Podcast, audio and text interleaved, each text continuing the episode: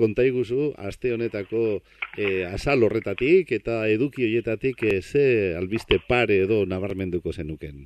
Bale, ba, zalera ekarri begu, mila behatziren dogeita maseian miliziano izan dako Luis Ortiz Alfau, e, Portugaletetara, eta berarekin, ba, eun urte betetzera dijoan gizon honekin, ba, ba bere bilbidea, ez bere bizitza zitzein dugu, eta horrek esan nahi du hitz egiten ari gerala, ba, nola izan zan guda, e, frontea, erbestea, espetxea, e, diktadura, e, et, zer zen isiltasun hori, ezin kontatu, berrogei urtez, egonda gizon honek esaten du, berrogei urtez ez dula txintik esan bere bizitzari buruz, eta orain urte gutxi klak egin dula, eta orain nahi duena dela alik eta jende gehienak jakin dezala zer gertatu zen frankismoan eta ze astakeriak egin zituzten, ez, frankistek. Mm. Eta gaur egun ikusteko gizonoren espiritua zein dartxoa den, ba, ari da, eun urte dituen e, Luis Ortiz, hau,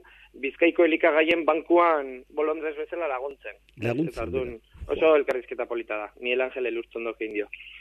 Irakurri beharrekoa beraz, ezta? Bai, bai, polita. Testigantza hoiek benetan, orain, ez dakit, orain hartzen espadituzue, zoritxarrez betiko galduko lirateke eta eta benetan kontuan hartzekoak dira. Zer besterik nabarmenduko zenuke, Lander?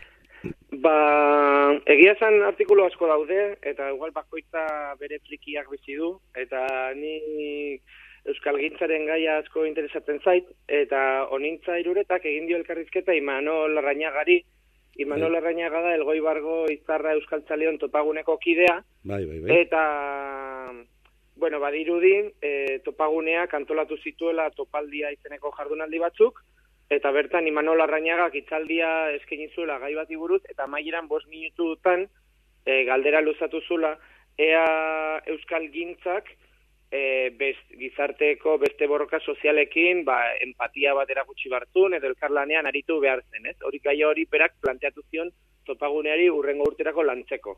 Bai. Eta honintza argiako kazetaria bertan zegon, e, hartu zuen aria, eta bera elkarrezketatu du gai horri buruz, ez galdetzen, ba, berak ze pentsatzen duen. Eta egia esan Imanol Reñaga ez da guztiz guztitzen, ez du esaten bai edo ez, baina galdera asko planteatzen ditu, ez? Eta dala, pues, ea Euskal Gintza gizarte hobe baten aldeko bokazioekin ari dela konstiente den, edo ze, bueno, ze gauza kontutan hartu beharko lirateken, Euskal Gintza beste esparru batzutara ere zabaltzeko, eta Bueno, nire interesgarria eritu zaitzeren, iruditzen zait, ba, e, nahi eta nahi ez eman beharreko ez da bai da, ba, dela, zutintzaren marruan. Lander erpin askoko gaia da, ez da, eta puri-purian dagoena gizartean, adibidez, badira emakume euskaltzale asko, nolabait, ez dute, ez teakite aditze gokia den, parekatu, berdindu edo bide paralelo batean eraman nahi dituztenak, eh, bai, beren euskaltzaletasuna, eta feminismoa eta, eta ahalduntzea ipatzen dute, bai emakume moduan, bai euskaldun moduan, eta hor, nolabait, eh, paralelismo ikusten dituzte, ordan, gaurkotasun handiko gaia, beraz.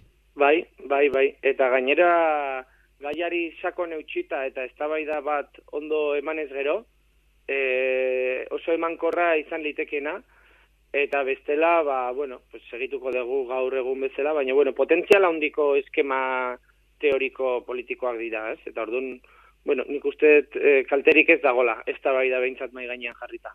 Mhm.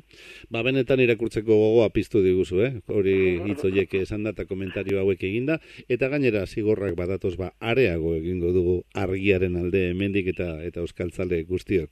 Lander Arbelaitz, eh, mila esker, berriro ere gure besarkada handiena argiako lagun guztiei eta datorren aste arte esango dizugu. Eskerrik asko eta besarkada bat bueltan Bilboiriako langileei eta entzule guztiei. Eskerrik asko, hau bueno, aio.